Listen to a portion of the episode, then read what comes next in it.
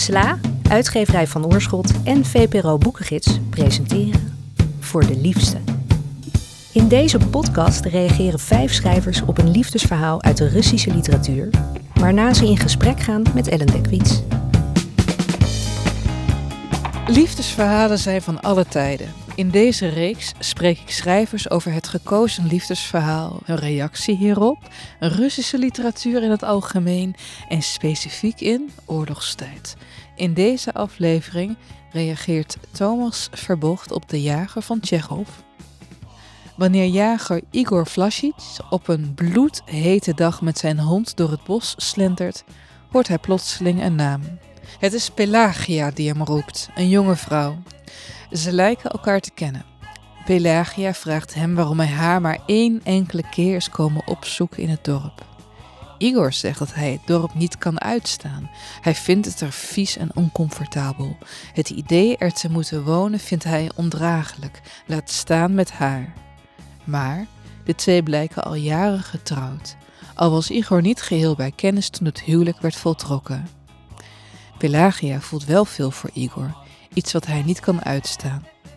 Wanneer ze zijn werk niet al te serieus lijkt te nemen, is het hek van de dam. Hij noemt haar een idioot. Iemand die nooit zal begrijpen dat een man zoals hij op een plek hoort waar goede thee wordt geschonken en verfijnde conversatie plaatsvindt.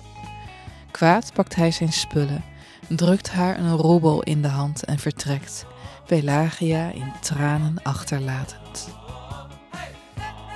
Je luistert naar de reactie van Thomas Verbocht op de jager van Tsjechov.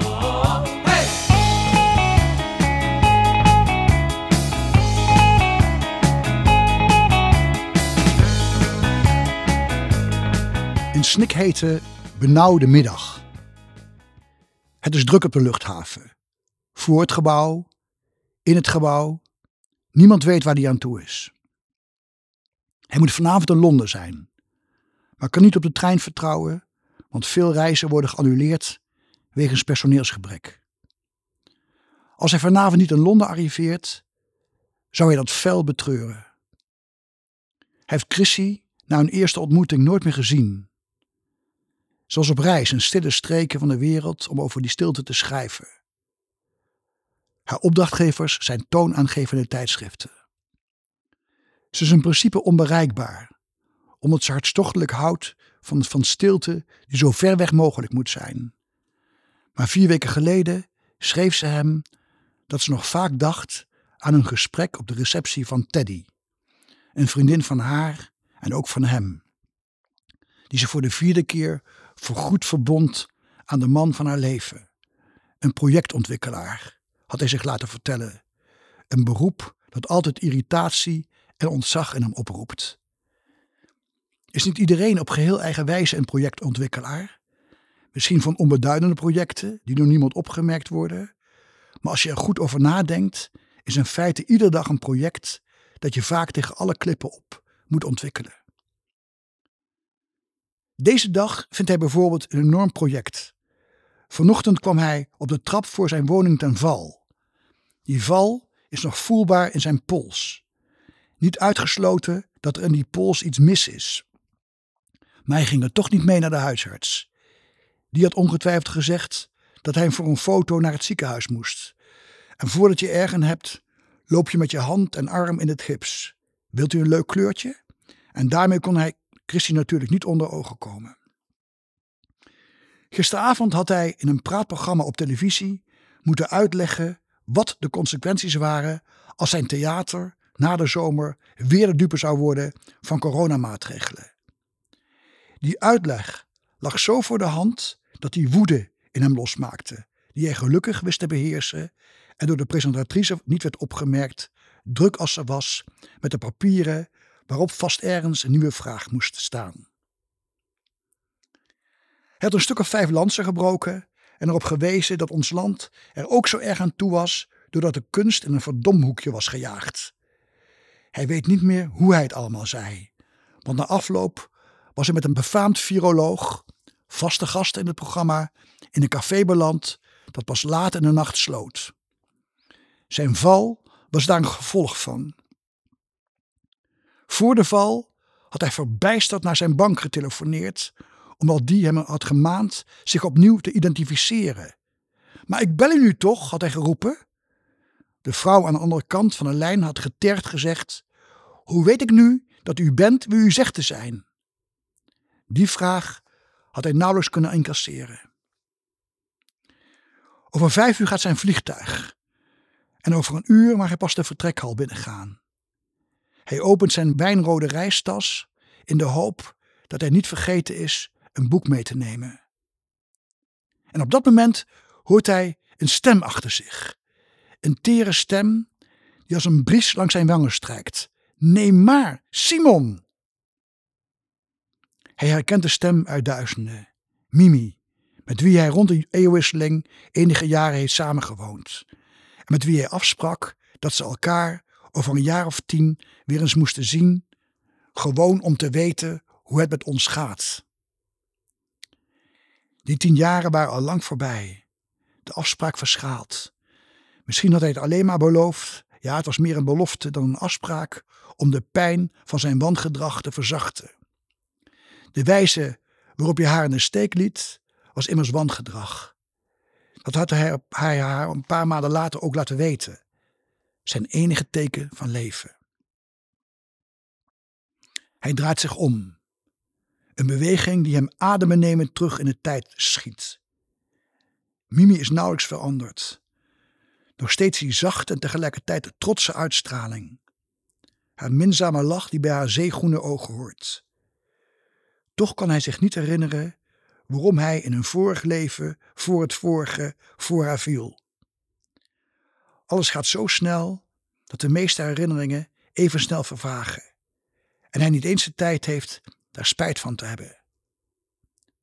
Dit komt je niet uit, zegt Mimi lachend. Oh ja, hij hoeft zich niet eens te herinneren dat ze altijd meteen ter zake komt. Wat? vraagt hij laf om tijd te winnen. Ik zag je gisteren op tv, zegt Mimi. Je zei rake dingen. Hij knikt als een man die het gewend is rake dingen te zeggen. Mimi is nog niet klaar. Je lijkt dan zo principieel, maar ik weet dat je dat niet bent. Weer knikt hij. Anders dan zojuist. Hij weet dat hij maar even moet laten praten en dat doet ze ook. Het is bijvoorbeeld niet principieel niet te doen wat je belooft. Maar weet je Simon, toen ik je gisteren zag in dat programma dacht ik, ik zou het op de koop toenemen. Ik zou zo weer met je willen beginnen. Vind je het erg als ik dit zeg? Nee, natuurlijk niet, liefie. Hij schrikt van dat laatste woord. Het was er zomaar uit. Ze hebben elkaar niet omhelst. De overheid raadt die dynamiek nog steeds af, maar ze zouden er lak aan kunnen hebben. Ooit hadden ze lak aan alles. Wel beseft hij dat ze eruit zien als mensen die elkaar zouden kunnen omhelzen. En verstild in die omhelzing een tijdje blijven staan, in de klamme hitte van de namiddag. Even voelt hij een heesmakend verlangen naar haar aanraking, de geur in haar hals, in haar haar. Nonchalant zegt hij dat hij naar binnen moet, dat zijn vliegtuig zo vertrekt. Ongetwijfeld wordt hij door de beveiliging teruggestuurd, want hij mag maar vier uur van tevoren in de hal zijn. Maar je ziet wel wat er dan gebeurt.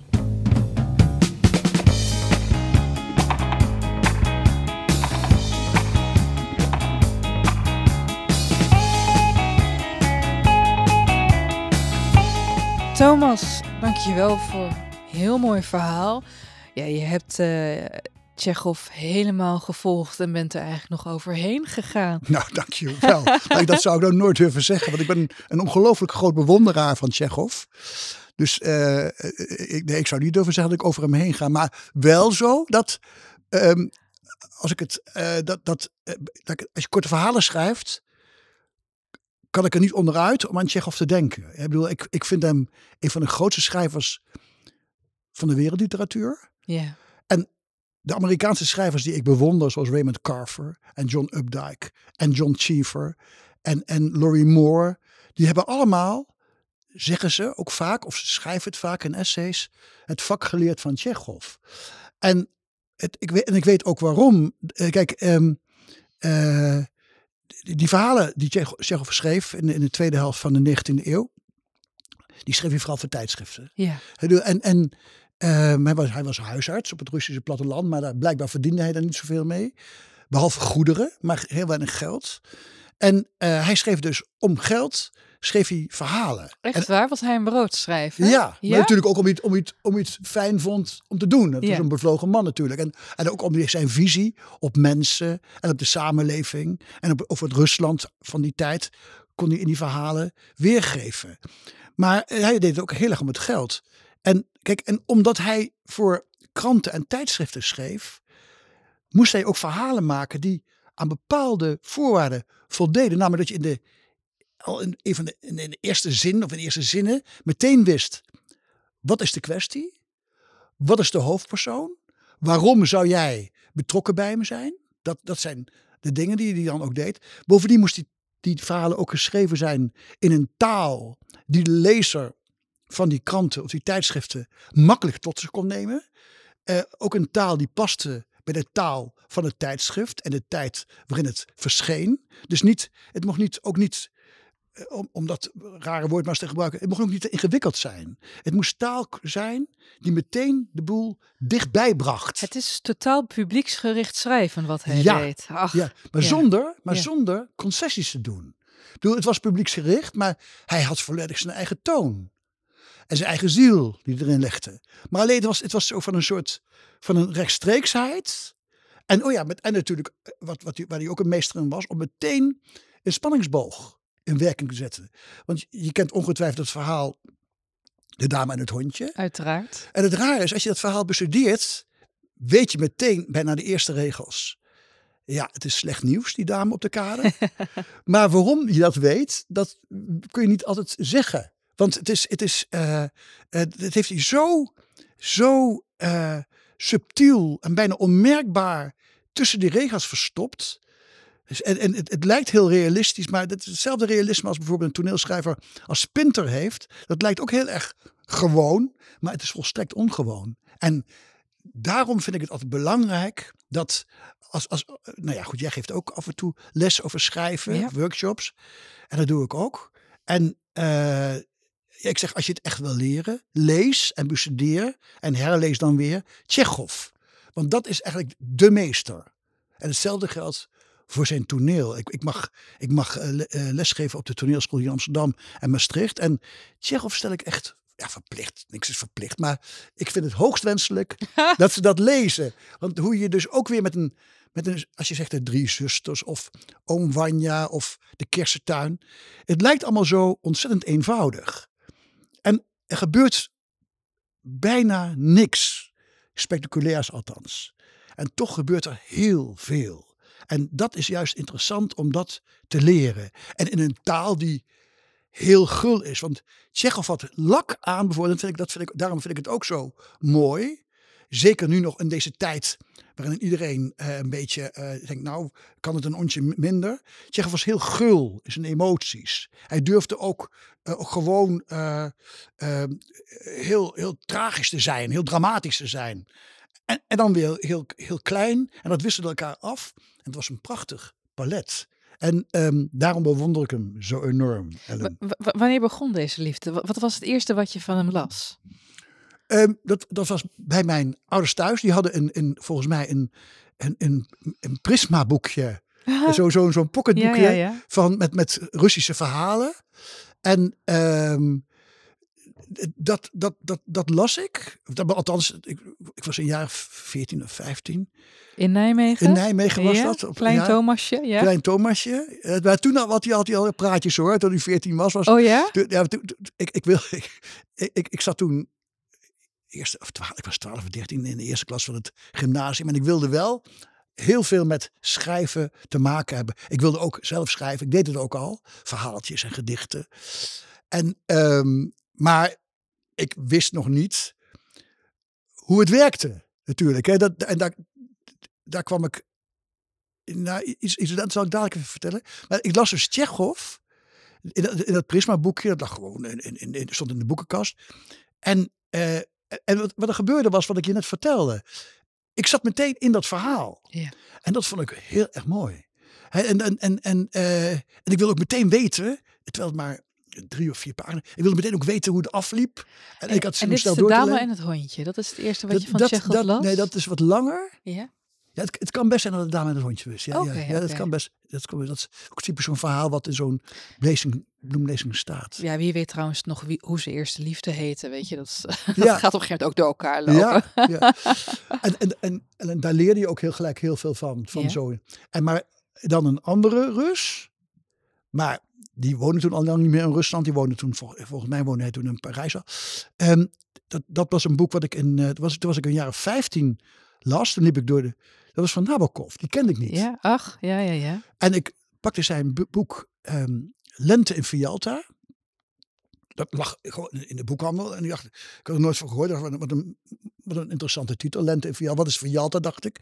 En ik zoek het boek open op dat verhaal. Wat, wat, wat was Vialta? Het was een dorp. Ja, Een dorp aan zee. oké. En wat er toen gebeurde, hij beschreef, hij beschreef eh, de geur die in het dorp hing. De geur van de zee. En er stond iets, dat moet ik uit het hoofd citeren, dat weet ik helemaal niet of ik het juist maar zeg maar een soort branderige geur met een beetje zout erin. En, en, en, ehm, en, en to- toen gebeurde er iets wat ik sensationeel vond. Ik rook het. Oh, Ik, ik, ik las het ja. en, ik, en mij overkwam toen wat ik las. En toen dacht ik, ja, zo moet. Ja, literatuur, weet ik niet of ik literatuur dacht, maar ik dacht, zo moet een verhaal werken. Dat, het, dat, dat je niet alleen het leest en het beseft dat je aan het lezen bent, maar ook dat het je overkomt. En, en, Mm. en dat het gebeurt. Dus want hetzelfde als, als je bijvoorbeeld als jij ehm, zeg maar een ontroering wil oproepen, dat ik ook ontroerd ben. Dat ik niet lees dat jij ontroerd bent om de, om de dood van iets of het afscheid van iets. Nee, ik ben, ik ben met jou ontroerd. Ik voel de tranen, ik voel het verdriet, ik voel weet ik veel wat.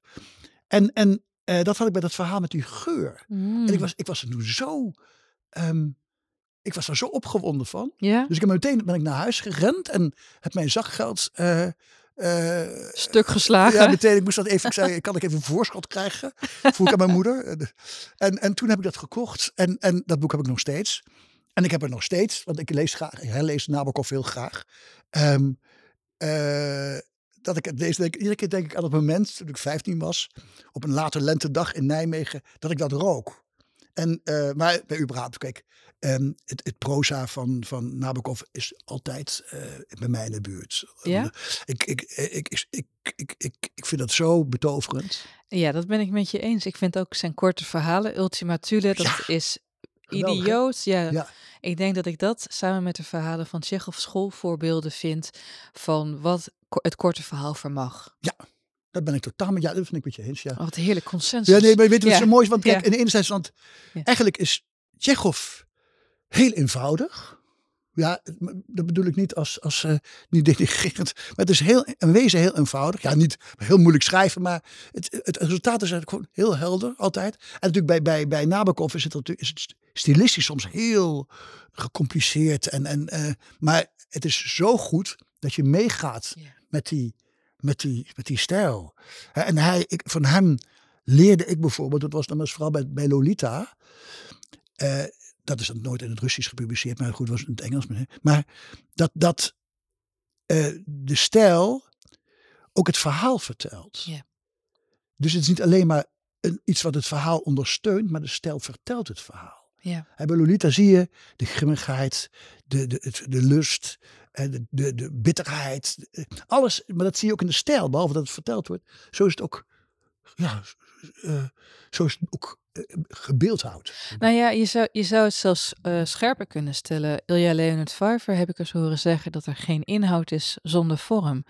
En Ja. in, zeker in het geval van Lolita zie je dat die hele bloemrijke stijl iets totaal niet bloemrijks probeert te maskeren. Ja, Niet alleen pedoseksualiteit, dat is maar één van de themata, maar ook de angst voor verval, die doodsangst daarvoor. Het een uitzondering zijn. En het onvermogen om te leven. Ja, Kijk, niemand in dat boek, moeder of moeder van, van Lolita, Oh, ja. Zelf, niemand kan eigenlijk leven. En, en dat, dat, dat, dat is de tragiek van het boek.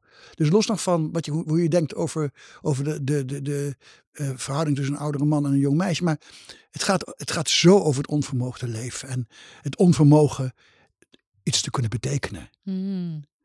En als we daar ook weer over hebben, dan is het troostrijker van Tsjechov dat het altijd gaat over hoe, hoe, de, hoe groot en hoe donker de ellende ook is van de mensen.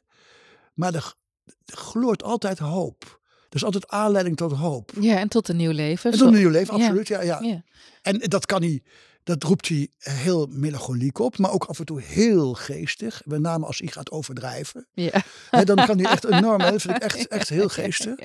En, en ehm, maar dus, dat, dat, dat, is, dat is ook een boek, ehm, eh, ja, dat, dat je ook voortdurend iets geeft. Dat je ook weet van, eh, ook als je je eigen leven zich tegen je keert. Hè, en, en dan kan de literatuur troost bieden. Hè, dat, en, en dat bij Tsjechov zeker, ja. ja. Ja, kan je een specifiek geval uit je leven noemen waarbij je die troost echt heel erg eh, welkom had? Ja, het is bij mij, als ik, als ik laat ik zo zeg, als ik met name, ehm, eh, als ik zo de hele dag een soort eh, onbestemde neerslachtigheid voel, wat ik wel eens heb. Eh, ik, ben, ben melancholiek van nature, maar meestal heb ik daar, niet, heb ik daar geen last van. Het, die melancholie legt een soort gloed om alles en dat vind ik ook wel iets prettigs hebben. Maar soms dan merk ik dat, dat ik er schemerig van word. Mhm, mhm. Eh, en, en, ehm, en dat is niet de aanleiding van bijvoorbeeld wat iemand gezegd heeft of zo, of wat me overkomen is. Maar gewoon dat is dan, ja, eh, dat, dat ik zo zeg, is een stemming die ik niet kan hanteren. En dan eh, lees ik eh, eh, twee of drie verhalen van Tsjechov. En dan denk ik, ja, het, kan, het is oké. ja, het, is- eh, het is haast lifehack dus. Ja, echt, Ach. absoluut. Ach, Ik, ik, heb, ik heb in mijn huis één boekenkast staan. Waarin de boeken zijn die de boeken van mijn leven zijn. En, en, en eh, ik heb natuurlijk op meer plaatsen boekenkast. Maar die, boekenkast, daar ga ik eigenlijk iedere dag ga ik daar voor zitten. Om deze reden die ik net uiteenzet. Maar ook, ook om bijvoorbeeld als ik werk aan een roman. En even de moed verlies te geloven dat ik het kan. Eh. Eh, dat, heb je af en toe. Ja. Natuurlijk. Ik, hè, jij weet dat ook als, als collega. En, en dan, ga, dan ga ik daar zitten en dan pak ik een Philip Roth bijvoorbeeld. Of, of, of eh, McEwen. Of, of, of Marguerite Duras. En, en ehm, niet dat ik, daar, dat ik daar iets van pik, maar dan zie ik weer, oh ja, het kan. Het kan gewoon, het kan. Ah, ja. wat een leuk idee, de boekenkast van je leven. Ja, Wat, hoe groot is het Russische deel daarin? eh, dat is eh, Babel, uiteraard. Ja, ja. Ik ga, ik moet, ik ga, ik ga even zo lang. Isaac Babel voor de luisteraar, ja? Ja, Isaac Babel. En, ehm, dan- De Rode Ruiterij, de rode, ja, en, en al- natuurlijk al dat kleine, prachtige, fonkelende proza. Het is echt, dat is echt. En ook zo. eh, je kunt je niet voorstellen dat dat ver in de vorige eeuw geschreven is. Het is, het is zo, eh, zo, nog zo, ja, zo tintelend Ja, actueel. Ja. En zo mooi. En je ziet ook bij hem, en wat, wat, wat ik ook betrekkelijk uniek vind bij Babel, hoe hij binnen nog korter, eh, nog kortere ruimte dan, dan Tsjechov, iets wist op te roepen. Hij kon ja. eh, absoluut meteen een leven neerzetten. Ja, maar ook de beelden die hij erin gebruikt. Het openingsverhaal van de Rode Ruiterij begint met de zon rolde als een afgehouwen hoofd door de lucht. En dan heb Ja. je meteen de hele toon. Ja, Want, want lieve luisteraar, u, u kent het ongetwijfeld, maar ik mensplaneer het graag nog even voor degenen die het niet kennen. Het gaat over de oorlog tussen Rusland en Polen. En die gekkigheid van de oorlog. Ja, je zou het haast nu één op één kunnen leggen op toestanden nu aan het front in de Donbass. ja. Zo. Dus een deel Babels zit in jouw eh, bibliotheek van je leven. Tsjechov, Na- Tsjechov, Nabokov. Turgenev, ook, Ja? ja, zeker. Eh, die ken ik minder, minder, minder goed dan, dan Tsjechov, maar die vind ik wel... Ik, ik, hou enorm van zijn ehm, zachte, zingende stijl. Ik hou daar enorm van. Ehm, en wie is welke Russen nog meer? Ehm Paskovsky natuurlijk. Ja, ja. Ja, dat De vind verhalen, ik, ja, dat, vind ja, ik, ja. oh, dat is ook zoiets. Dat vind ik echt. eh, ja, daar ben ik voortdurend door verbluft. En dan sta ik, dan sta ik weer een van die zes delen open. En dan, dan kan me niet schelen waar het begint. Maar denk, oh, beschrijft hij weer de stad en een rook die erboven hangt. Of een tuin nadat het geregend heeft. Of uh, uh, een, een, berglandschap dat zich niet ontsluit. Of, ik vind het dan, dat is zo meesterlijk. Vind je dat niet intimiderend ook? Uh, ja, maar op een, op een, op een gelukzalige manier. Omdat het kan? Ja. Ja. Ja. Dat weet ik ook. Dit, dit zou ik, dan lees ik dat, denk ja, dit, oh, wat ben ik hier Dat zou ik nooit kunnen, maar dat maakt niet uit. Ik, het is zo fijn dat dit bestaat. Ach. Ja, dus net, net, net zoals een, zeg maar, het, het, het, het uitschot op een stad van je dromen. Of, of, of weet ik veel wat. Of de liefde van je leven. Dat gewoon dat het bestaat, dat weet je. Het hoeft niet eens allemaal nog een rol, maar het bestaat. Ja, maar sommige mensen, sommige collega-auteurs zouden zich erdoor laten verlammen. Van Virginia Woolf bekend dat ze een paar maanden niet kon schrijven nadat ze Proest had gelezen. en dacht, ja, kak, het is al geschreven. Oh, maar nu begrijp ik ook. Want kijk, ik kan me indenken als je zo'n Tsjechov-fan bent als jij. En je besluit een verhaal te schrijven naar aanleiding van een verhaal van Tsjechov. Dat je toch eerst even naar het papier aan het staren bent van lieve help. Ja, natuurlijk. Dat dacht ik ook. Lieve help. Wel. Ja, natuurlijk. Ja. En toen dacht ik, een beetje, want ik begin, maar ik, toen dacht ik, ik begin gewoon hetzelfde als hij begon. Ja. Met van uh, een snikhete benauwde middag. Ja. Hè? En denk, daar ben ik, daar ben ik al. Hè? En, en, um, en ik dacht, oké, okay, het, het, het, moet, en, en, en, het moet een liefde van vroeger en dat was in het verhaal van Tsjechov, de jager, ja, is niet echt een liefde van vroeger, maar... Nee, alleen maar een echtgenote ja, en zo. ja, ja, ja. zeg maar, een soort formeel huwelijk was dat. Maar ik dacht ook een liefde van vroeger, die je tegenkomt in omstandigheden die je onwelgevallig zijn.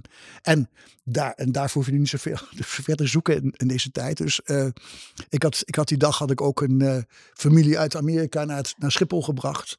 En oh. dat, dat was geen pretje, moet ik zeggen. Oh, en toen kwam je terug van het vliegveld en je dacht, en toen dacht hier ik, okay, is iets en toen was het ook, want ik was, was, ik was in uh, ons huis een berg aan zee. Daar was die familie ook. Ja.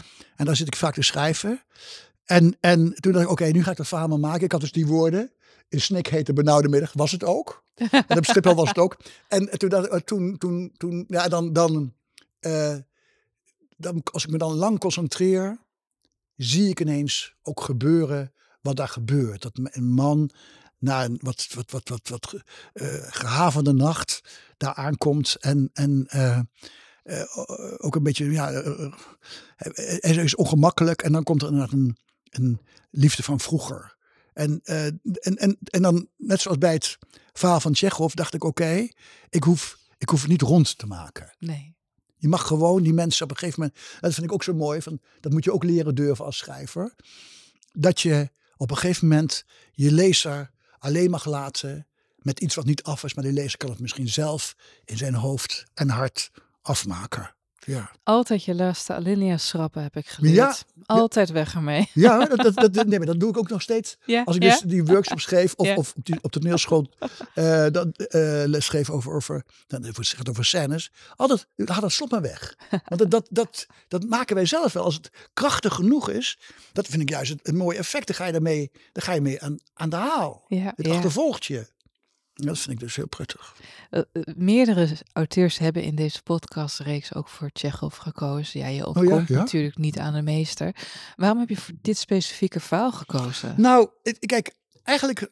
Um, ik ben zo'n liefhebber dat het me helemaal niks, eigenlijk niks had uitgemaakt, wat nee. verhaal. Nee. Maar ik, ik, kreeg dit, dit, dit, um, dit, dit, deze bloemlezing. Voor de liefste? Van voor de liefste van, van ja, Russische liefdesverhalen. En uh, met een geweldige omslag. Mijn ja. vrouw in, in, in, in, de storm. En, uh, en ik kwam dus het verhaal tegen van Tsjechov. En, en meteen ja, dacht ik, eh, ja, dat red ik me uiteraard. In een heel andere vertaling geloof ik. Maar dat, dat gaan we doen. Maar dat, dat, was, dat was eigenlijk een hele wille, willekeurige reden. En ik vond het weer gewoon ontzettend leuk om dit te lezen. Zo'n zo'n bloemlezing. Maar het, het, Tsjechov dacht ik meteen, klaar. Oké, ja. oké. Ja, en wat ik ook knap vond, dat, dat vertelde je me gewoon net. Je hebt dit verhaal geschreven terwijl je net een nieuwe, je nieuwe roman, die uh, sinds vorige week in de winkels ligt. Wat is de titel ook alweer? Maak het mooi. Maak het mooi. Ja. Je was bezig met de eindversie en daarna heb je nog even dit verhaal geschreven. Ja, ja maar nu vind ik het altijd, als ik met een roman bezig ben, vind ik het altijd... Uh, welk woord zal ik daarvoor? Maar ja, ontspannend. Ja. Om af en toe daar naast een klein verhaaltje te, kleine verhaaltjes te schrijven. Ik bedoel, mijn, mijn vorige verhalenbundel, Olifant van Zeep. Uh, dat zijn wat, wat, wat, wat uh, hoop ik, humoristische verhalen. En, uh, maar dat waren verhalen die ik altijd geschreven heb in de marge van een werkdag. Als ik aan, aan, aan, aan een roman die, die veel van me eist. Ja? En dan op een gegeven moment dan, eh, was ik dan klaar met, de, met het hoofdstuk of de passage die ik wilde schrijven. En dan ga ik altijd even naar het café om de hoek. eh, Om, om even, eh, eh, even iets anders te doen. En even los te komen. En, eh, en dan, daar denk ik dan altijd even na. Want ik ga er altijd graag, dat vind ik het ideaal, even alleen zitten. Ik hoef helemaal geen, geen ik ben niet zo'n sociaal dier, maar ga ik even alleen zitten in een hoekje. En eh, dan denk ik even na over wat ik geschreven heb. En meteen besluit ik dingen te gaan veranderen. Maar ik, ik, ik zoek ook altijd iets. En dan hoef ik maar om, voor, om me heen te kijken naar een kort, kort verhaaltje. En dan ga ik dan maken, dat, dat ontspant mij. Zoals sommige mensen misschien naar een comedy op televisie kijken. Of, een beetje origami doen, hè? Ja, ja, bijvoorbeeld. Ja, Ja, in een bepaald soort Ja. vorm eh, scheuren. Wat grappig, want ik kan me ook voorstellen dat sommige schrijvers helemaal geen zin hebben om aan het einde van een lange schrijfdag nog even een verhaaltje te schrijven. Maar ik vind het, ik, het ja, voor mij is het, mijn dag, mijn dag begint altijd met een column. Oh ja, je schrijft elke dag voor de Gelderlander. Ja, voor de Gelderlijke krant Ja. van mijn geboortestreek. En waardoor ik ook nog een beetje in de geboortestreek ben. Wat ik, wat ik leuk vind. Maar elke dag, dus ehm, eh, om, om eh, kwart voor zeven of half zeven ga ik, ga ik de kranten lezen. En ik weet nog niet waar het over gaat, maar toch verheug ik me erop. en en eh, er komt altijd iets. Of het nou altijd goed is, dat weet ik niet. Maar er komt altijd. Maar en dan, dan, dan, dan staat de motor aan. En dan ga ik er naar ontbijten of even sporten. En dan, dan ga ik eh, aan mijn roman beginnen. En eigenlijk wil ik de dag ook zo eindigen. Mm, En, en mm. eh, met, met, met iets, iets, iets korts. Zo. Schrijf jij ook om de somberheid op afstand te houden? Ja, natuurlijk. Ja, het Ja, is ook hoor, een soort ja. beetje antidepressivum voor Zeker, jou? ja, ja, Niet dat ik echt depressief Nee, van maar ben. melancholisch. Ja, melancholisch wel, ja. ja. Het is grappig, ik had toevallig net met eh, een, een schrijver, Lisa Weda, hadden we het over Oh, jouw ja. werk. We zijn allebei natuurlijk fan en zo, awkward, awkward. En eh, ze zei, ja, er zit altijd een soort humor en ook een soort wanhoop eh, in jouw werk tegelijkertijd, maar het wordt nooit top zwaar. En Nee, ik dacht van, ja, eigenlijk schrijf je een soort tragisch realistisch werk, zonder dat die tragiek automatisch een maliënkolder is waar die alles verplettert. Weet je nou, eigenlijk... dan- dat zeg je dat mooi. En wat zeg je dat welkom. Want, want zo, zo wil ik het ook. Hè? Kijk, Ja? en, en, en eh, want ik, wat, dat, eh, dat is ook zoiets wat ik, wat ik de eerste keer had toen ik, toen ik Tsjechov las. Ja. Maar het, het werd zo versterkt toen ik in die tijd, we hadden 13, 14, toen, toen ik, liep ik, liep ik eh, ook, ik ging vaak na- toch naar de boekhandel. Om, ik had wel geen geld om boeken te kopen, maar ik vond het fijn om dat te zijn. Heel veel voorschotten aan je moeder Aan vragen. mijn moeder vragen. Maar toen las ik, las ik een verhalenbundel van Remco Kamport. Of las, ik las een verhaal uit die verhalenbundel. En, en eh, eh, Jongen met het mes geloof ik, dat- die bundel. En, en eh, toen, toen kwam ik op een, bij een verhaal waarvan ik meteen zag, oh het is best een heavy onderwerp. Eh, iemand wordt, maar het, het was zo licht en een beetje swingend als een lentebries opgeschreven. Toen dacht ik ook, ja, als het me lukt, wat ik zielsgraag wil schrijven, wil ik dat altijd doen. Het licht houden. Ook al schrijf ik over eh, de vreselijkste onderwerpen, wat ik het overigens niet doe, maar goed, maar of wel over zware onderwerpen. Eh, ik wil het altijd licht doen. Want als je een, een zwaar, on, zeg maar, laat ik het zo zeggen, bijvoorbeeld de rouw om je, om, om je ouders of om Ja. een geliefde. Eh, als je dat zwaar gaat opschrijven, dan, dan, dan, dan zakt het weg. Of het gewicht het wegtrekt. Maar als je dus het licht toon zet, dan, dan, dan, dan kan- een, kan een lezer dat onderwerp gewoon omhelzen. En, en, en, en, en, en, gewoon, gewoon meenemen. Zoals je ja, iets lichts meeneemt. En dat vind ik prettig. Niet, het is niet om het te relativeren, maar ehm, ehm, kijk, als je bijvoorbeeld naar de, de, de pianocomposities van Satie luistert, hè, Mhm, mhm. die een wezen, wezen ook een zekere, zwaarmoedigheid hebben. Ja, ja. Hè, maar door, er zit, ook, er zit ook iets heel erg, heel lichts en fijnzinnigs lichts in. En dat, dat maakt het zo betoverend. De tweede keer dat ik het woord gebruik in dit eh, gesprek. Maar dat is het echt. Ik bedoel, eh, eh, als, je, als, je, als je daarnaar luistert, zorgt die muziek ervoor dat er iets met je gebeurt. En dat vind ik dus wel heel, heel, heel prettig. En dat, dat komt door de lichtheid. Dus je zit, je zit- dus niet te beseffen, oh, hij, is dit, hij probeert dit vorm te geven. Ik wil ook niet dat een lezer bij mij denkt, oh, hij, hij is echt het verwerken dat hij verlaten is door iemand. En dat, het, dat hij dat onverdraaglijk, nee ja, dat is wel aan de hand. Tenminste, soms. Hm. Maar het gaat juist om dat je dat, dat je dat, eh, dat je daar toch een, een klein beetje eh, een, een, ja, een liedje van maakt. Dat vind ik wel prettig, ja.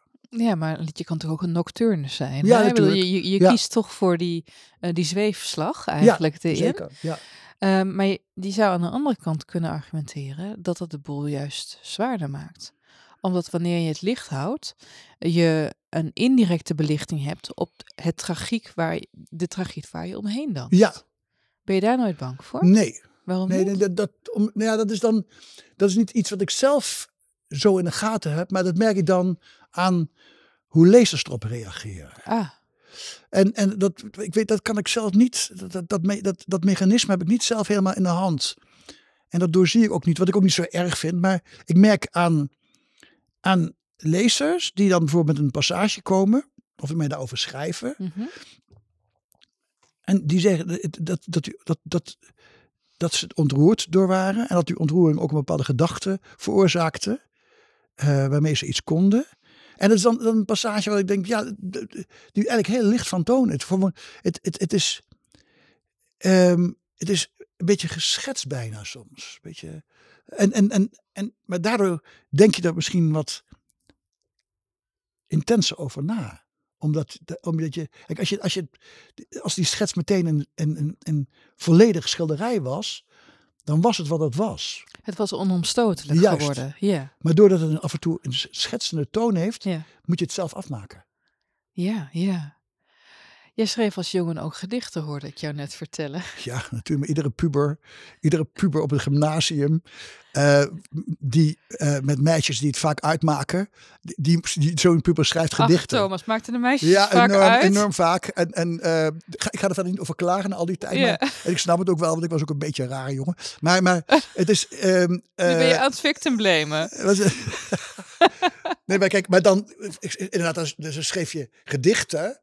Eh, eh, en waarin, waarin je dus je, je verdriet een beetje eh, verwoordde. En, ehm, en, en ook je verontwaardiging. En dan had je het gevoel, dat kan ik tenminste nog. Hè? Meisje houden, dat gaat niet, maar dit gaat nog.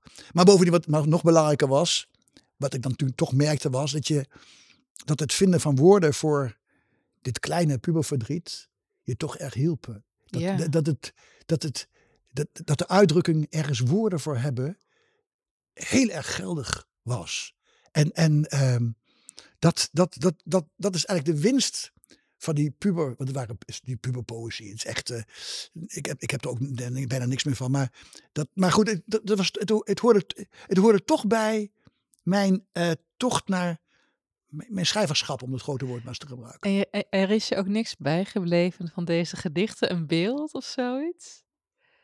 Nou, vaak mist, hè? Ja. Ja, en, en, eind- eindeloze, eindeloze straten. eh. Met natte, weet je, van dat, van een beetje eh, film noir-achtige Ja. dingetjes. Ja, ja. En daar een verdrietige jonge Ja, Thomas. verdrietige jongen, ja. En dan eh, ook, ja, ja nee, dat is zeker verdrietig. Ja. Zie mij, ja, dat soort dingetjes. Ja, ja. Je hebt wel eens theorieën, dat, dat zullen de Russische letterkundigen en de Russische schrijvers ook wel beamen, dat het allemaal een soort van eh powerstaarten zijn. Alle boeken om, een, om iemand te versieren of om een geliefde of een vriendschap voor je te winnen, al was het maar om jezelf te openbaren aan anderen en zo een soort vorm van bestaansrecht in het hart van een ander te, op te eisen. Ja, nou, misschien dat, dat in het verleden is dat wel eens gebeurd. Heb jij dat nooit met jouw gedichten gedaan? Nou, nee, we- weet je wat, weet je wat mijn truc was, Thomas? Eh, ik, ik, ik, ik kan, fun fact, ik denk, nou ja, ik kan goed tekenen. Ik heb ook een Ah. tijdje als illustrator gewerkt. En dan als ik een jongen leuk vond, als ik studeerde, dan ging ik altijd in de kantine ging tekeningen zitten maken. Nou, dan val je wel een beetje op. Een beetje, Ja. een beetje- Maar nee, ik, maar ik denk dat het voor mij anders is omdat ik een vrouw ben. Eh, eh, als je als vrouw heel veel optreedt met, en dat, dat is een beetje mijn core business, hè, veel optreden met Ja. verhalen, met gedichten. Dan, dan schrikt dat sommige mannen af. En ik krijg na afloop, vind ik ook prima hoor, veel meer vrouwen op me af eh, die een move proberen te maken dan mannen. Dus ik denk dat het voor mij net iets anders is. Ja, oh ja. ja. Dat, ja. Nee, ik heb natuurlijk wel, het verleden natuurlijk wel eens, ja, inderdaad wel eens een boek gebracht. Ja? bij Ja, mij ja, ja, natuurlijk ja. wel. Maar, Ja? maar, ik- maar ik moet eerlijk zeggen, van die momenten, ook om, ik, ze- om zo'n zekere mate van beschamendheid te hebben, herinner ik me niet alles meer. Dus dat, dat, eh, dat is de, heb je Dus- gewoon verdrongen. Ver- verdrongen heb ik dat, ja, ja, ja, ja, ja, ja. Wat is de magie van Russische literatuur geweest voor jou? Ehm, de magie. Ja, de magie eh, van. Kijk, om, om, omdat ik dus begon met Tsjechov. Oh ja, ik, dadelijk moet ik heel even met over Dostoevsky natuurlijk. Ja. Eh, maar dat het de magie was dat ik een, in een volstrekt voor mij onbekende wereld terecht kwam. Voor mij een volstrekt onbekende wereld. En, eh, het, want het waren meestal ook, ook verhalen uit de tweede helft van de 19e eeuw. ja, een samenleving. Ja, andere, hele andere samenleving, heel Ja. ver weg. En eh, wat natuurlijk andere verhalen waren dan van Jan Wolkers of van weet ik veel. En eh, dus dat was de magie. En toen ik ehm, later, maar dat was echt later in mijn leven, eh Dostoevsky, Dostoevsky las. Dat iets wat hysterische proza van Dostoevsky. Ja. En toen dacht ik wel, ehm, alles kan. Over welke roman heb je het nu ja, dan zit, ik- eh, dan zit ik even na te denken. Berichten uit de ondergrondse, want dat is Of natuurlijk de crazy. duivels, of duivels, dat kan ook, dat weet ik niet meer. Het kan ook, ik, dat, en dat weet ik niet meer precies. Maar het was, het was wel, af en toe was het beetje operetteachtige Ja. scènes en zo. En, dan kwam, en het was af en toe ook bijna te volgen, het tuimelde over elkaar heen.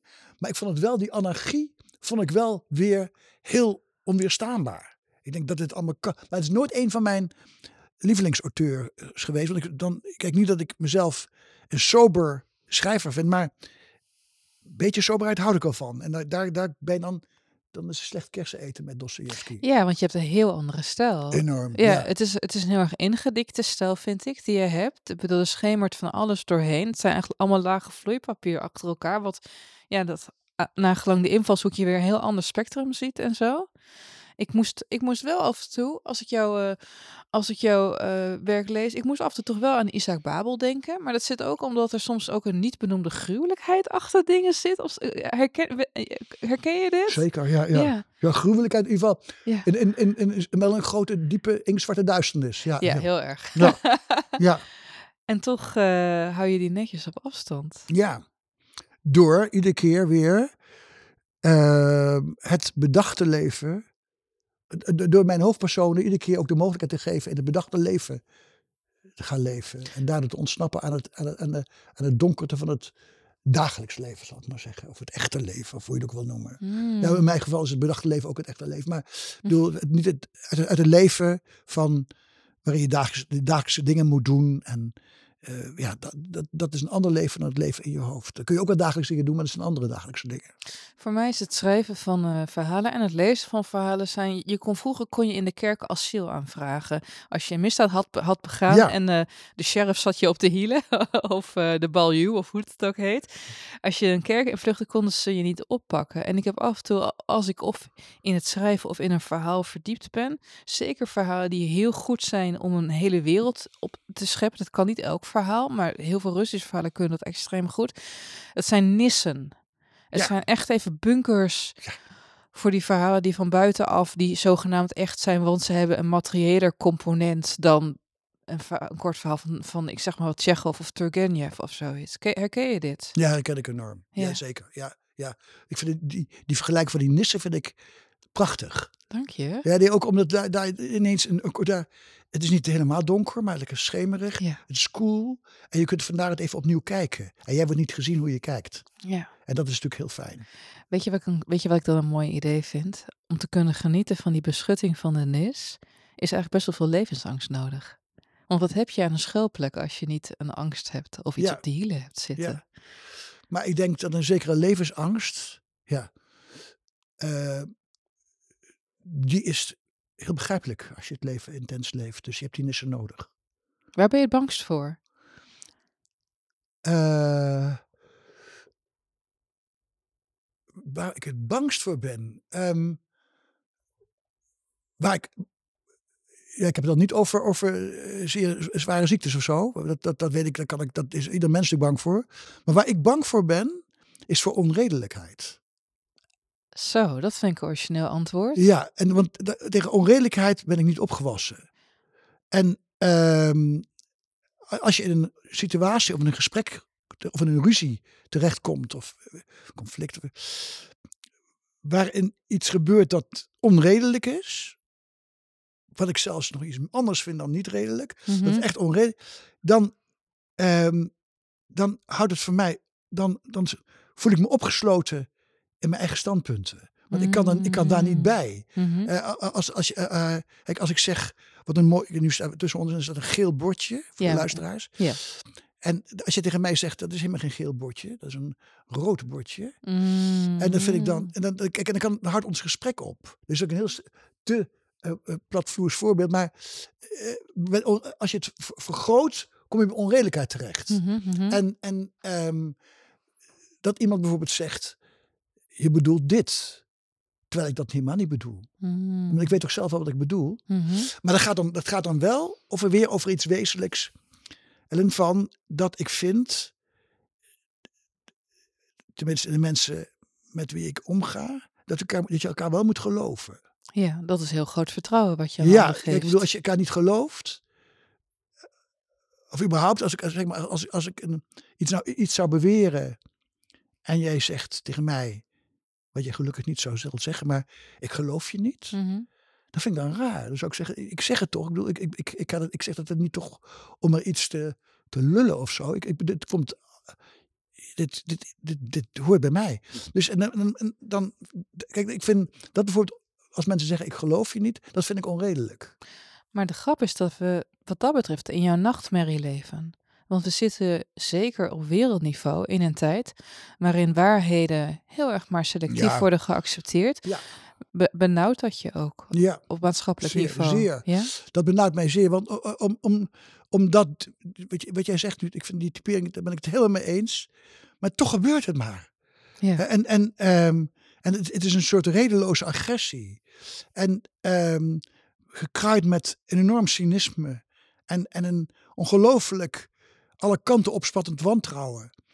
En dat is inderdaad voor iemand als ik, en als jij denk ik ook, nee dat weet ik zeker, is dat, dat, is dat de hel. ja, je wordt niet meer op het woord geloofd. Nee. En, maar wat ik ook heel heftig vind, is dat, nee, je kent het fenomeen eh, gaslighten, dat iemand zegt dat jij de dingen niet op een bepaalde manier kan zien zonder daarvoor voor gek te worden verklaard. Ja. En ik heb het idee dat hele grote groepen politieke partijen dat momenteel doen met een deel van het Nederlandse electoraat. Dat we worden gegaslight door bepaalde bewegingen, belangengroepen van ja, er is geen klimaatcrisis. Of eh, er is eh, nou ja, in Amerika de big lie, eh, Trump heeft de verkiezingen gewonnen. En het, het beangstigt mij heel erg ook, omdat ik altijd, en jij waarschijnlijk ook, een heilig geloof heb gehad in de reden. Weet je wel? Ja. Niet, niet, niet, niet het, de overtreffende trap wat we in de verlichting ervan hebben gemaakt, dat wetenschappelijkheid de enige vorm van waarheid is, maar wel om met een ander van gedachten te kunnen wisselen, om tot een vredige oplossing te komen, ook al is die niet per se bevredigend voor allebei tegelijkertijd. En ik zit daaraan wordt getornd en dat maakt mij heel erg eh, bang. Nee, dat, is, ja, dat begrijp ik. En, en, dat- is ook een gevolg, denk ik, van hoe de laatste jaren ehm, met, met al, al die sociale media, ehm, dat het een tsunami is van meningen en meninkjes die heel intuïtief en snel ontstaan en grapjes over die meningen en meningen over die grapjes. En, en, en het is allemaal, dat is allemaal, ehm, dat zijn meestal dingen over je knowledge van gedachten, teksten waar je over je knowledge van gedachten kunnen wisselen. Die bot zijn of volstrekt ongenuanceerd. En, en alleen maar bedoeld om kwetsend uit de hoek te komen. Eh, want kwetsen is natuurlijk ook een vorm van machtswellust. Hè, en en, en eh, maar dat, dat, dat, dat, is, dat, is, dat, vind ik, dat vind ik een van de echte grote ziektes van deze tijd. En ook voor mijzelf een grote teleurstelling van deze tijd. Dat het maar door, dat het maar door zeurt en doorkankert en zo. Is het een ongeneeslijke ziekte? Ehm, nou ja, dat weet ik niet. Dat weet ik niet. Eh, Dat weet ik. Dat... Ik, ben, ik ben niet pessimistisch of zo, maar dat weet ik niet. Hmm. Hmm.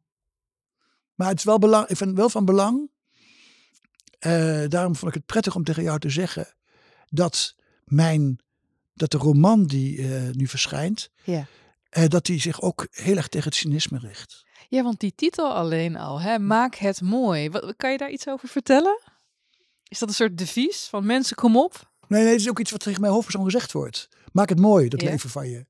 En zij bedoelt dat, die vrouw die dat zegt, ook met maak het mooi. Maak er, maak, maak er maar een goed verhaal van.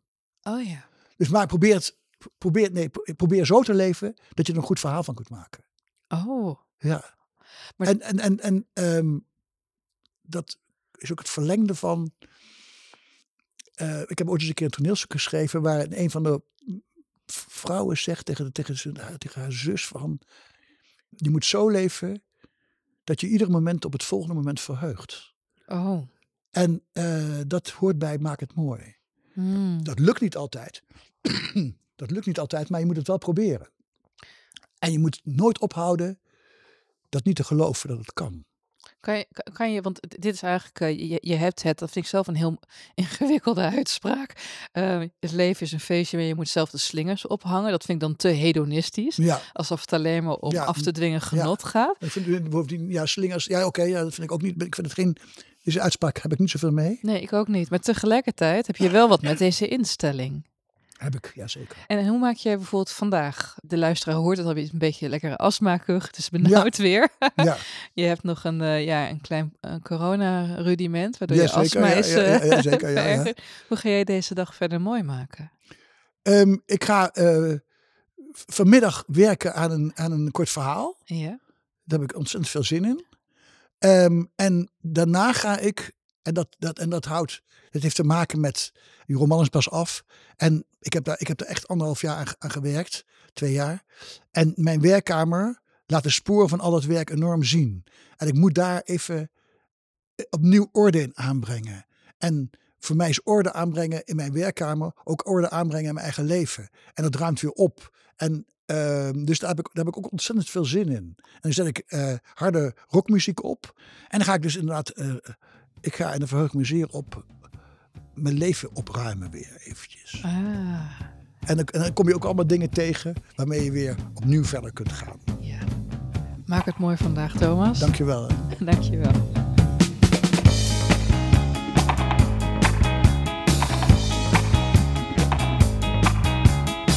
Voor de Liefste is een samenwerking van SLA, VPRO Boekengids en mede mogelijk gemaakt door uitgeverij van Oorschot.